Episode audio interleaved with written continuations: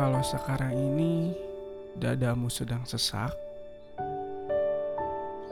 kalau sekarang ini kepalamu sedang dipenuhi kegusaran, kalau sekarang ini tubuhmu sedang lemas,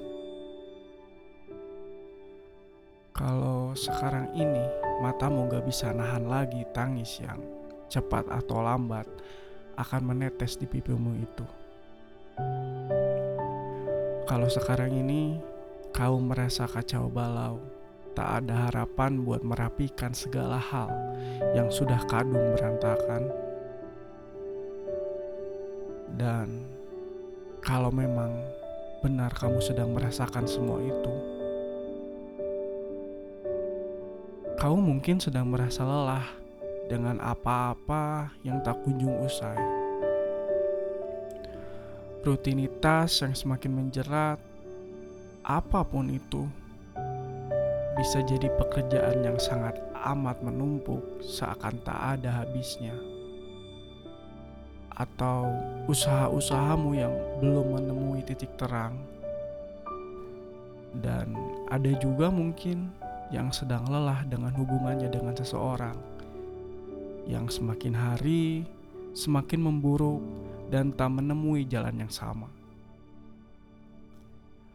Atau kamu yang sedang mengasihani diri sendiri karena dicampakkan seseorang yang kamu dambakan mati-matian.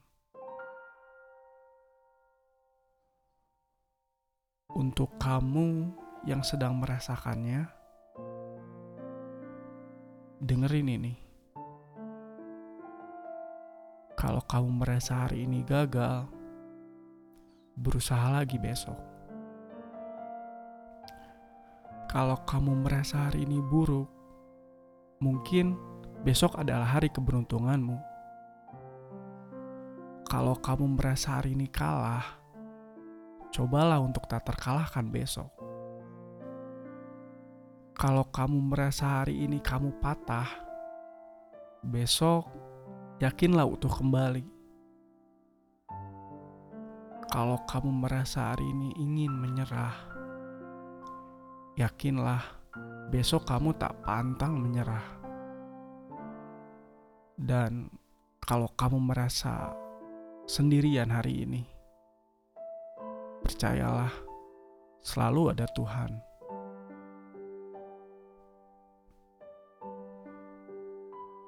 Mungkin aku bukan orang yang pandai memberi dorongan dan beri sepercik api semangat dalam tubuh dan hatimu.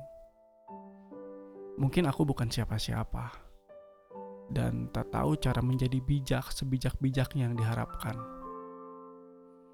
Ya, memang, memang, memang itu bukan aku. Aku cuman pingin bilang ini kamu boleh merasakan kepedihan yang kamu anggap paling sakit dari apa pun dan siapa pun di dunia ini. Kamu boleh merasakan rasanya babak belur dipecundangi dunia. Tapi jangan sampai kamu kehilangan harapanmu. Percayalah, masih ada secercah cahaya harapan itu menuntunmu ke tempat yang kamu semogakan dan usahakan siang dan malam. Tetaplah genggam harapan itu, apa pun keadaanmu saat ini. Besar atau kecil harapan yang kamu genggam, percayalah itu akan memberikanmu kekuatan yang amat besar bahwa di depan ada hal indah menanti. Segala kesulitan, kegusaran, kepedihan yang amat kamu rasakan saat ini. Bisa jadi kamu sedang dipersiapkan oleh Tuhan untuk menjadi hebat. Menjadi hebat sebagai versi terbaikmu. Tempaan itu mungkin yang akan buatmu semakin kuat percayalah dan tanamkan bahwa Tuhan itu sutradara terbaik dalam hidupmu dan Tuhan punya skenario terbaik buatmu yang sedang disiapkan. Karena Tuhan gak akan ngasih cobaan yang gak bisa dilewati oleh umatnya kan? Tuhan ingin kamu semakin kuat dari hari ke harinya. Maka dari itu, gagal adalah bagian dari perjalanan kehidupan seseorang. Sama halnya dengan keberhasilan, bahagia, tangisan, dan tawa.